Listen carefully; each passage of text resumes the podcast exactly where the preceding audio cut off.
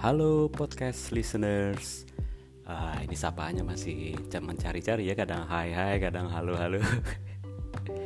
Uh, Tiba saatnya saya akhirnya ngobrolin tentang podcast sendiri. Gak apa-apa kan, ini masih berkaitan dengan living in Jakarta. Karena podcast ini tercipta tidak lain tidak bukan karena adanya salah satu aplikasi keren namanya Anchor anchor.fm bisa anda unduh di App Store atau ataupun di Google Play Store. Jadi saya pakai ini karena aplikasi ini memang keren banget. Pada awalnya saya sebetulnya sudah lama pengen bikin podcast semacam ini, cuman waktu itu masih mencari-cari bentuknya dan dan masih mencari-cari aplikasi juga yang pas. Sampai akhirnya ada teman saya Mbak Laura yang sharing di Facebook tentang bikin podcast dengan Anchor ini. Waktu itu nanya-nanya gimana sih caranya uh, sharing podcast di Anchor ke Spotify dan lain-lain gitu ya. Tapi ternyata Anchor sendiri ini sudah langsung mendistribut atau mendistribusikan ke platform lain seperti Spotify, kemudian Apple Podcast dan TuneIn termasuk yang lain juga ada Breaker, ada Radio Public. Waktu itu juga sebetulnya teman saya Om Handoko itu juga waktu itu udah kepengen bikin podcast. Tapi juga belum terwujud. Sampai akhirnya malah sekarang Om Handoko kayaknya tertular. Memang Eko eh Eko uh, Anchor. Jadi Eko sih? Anchor ini keren banget penggunaannya gampang tinggal download aplikasinya lalu ada ada tombol-tombol yang sangat uh, mudah dimengerti. Eh, nggak uh, perlu belajar banyak langsung aja uh, tekan tombol mic-nya ngomong dan sudah di save tinggal kasih background musik background musiknya juga disediain.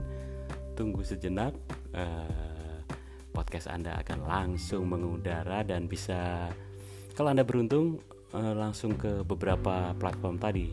Alhamdulillah juga eh, saya nggak lama setelah itu ada di Spotify, kemudian menyusul di Apple Podcast, Google Podcast, kemudian juga di TuneIn.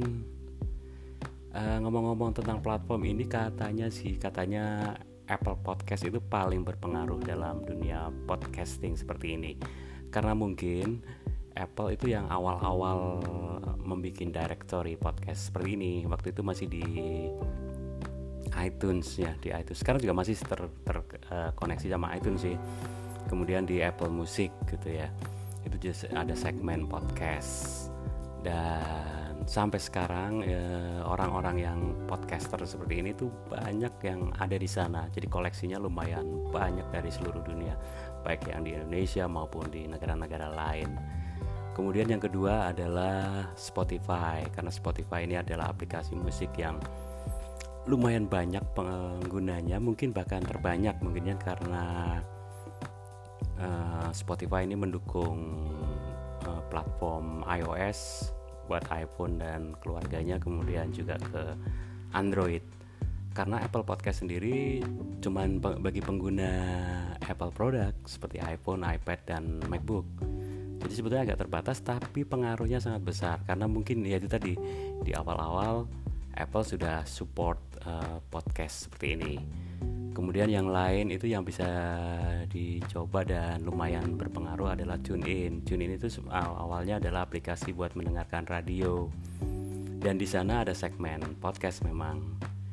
Terus yang lain lagi Google Podcast itu baru-baru ini masuk ke kancah podcasting ini. Jadi masih baru dan nggak tahu nanti kita lihat perkembangannya. Kemudian yang radio public terus breaker kemudian ada pocket cast itu bisa dicoba. Saya saya belum sempat mencoba semuanya tapi yang dari Spotify itu keren karena ya layaknya Spotify ya mendengar lagu-lagu album-album dari penyanyi-penyanyi terkenal kemudian juga Apple Podcast dan TuneIn. Di rasanya kalau di muncul di Apple Podcast tuh kayak punya album gitu ya album musik berjajar dengan uh, siapa? Ya dengan penyanyi-penyanyi terkenal lah kayak gitu. Jadi susunannya hampir mirip kayak album musik mereka. Jadi jangan lupa like dan subscribe ya Apple Podcast. Saya living in Jakarta. Terima kasih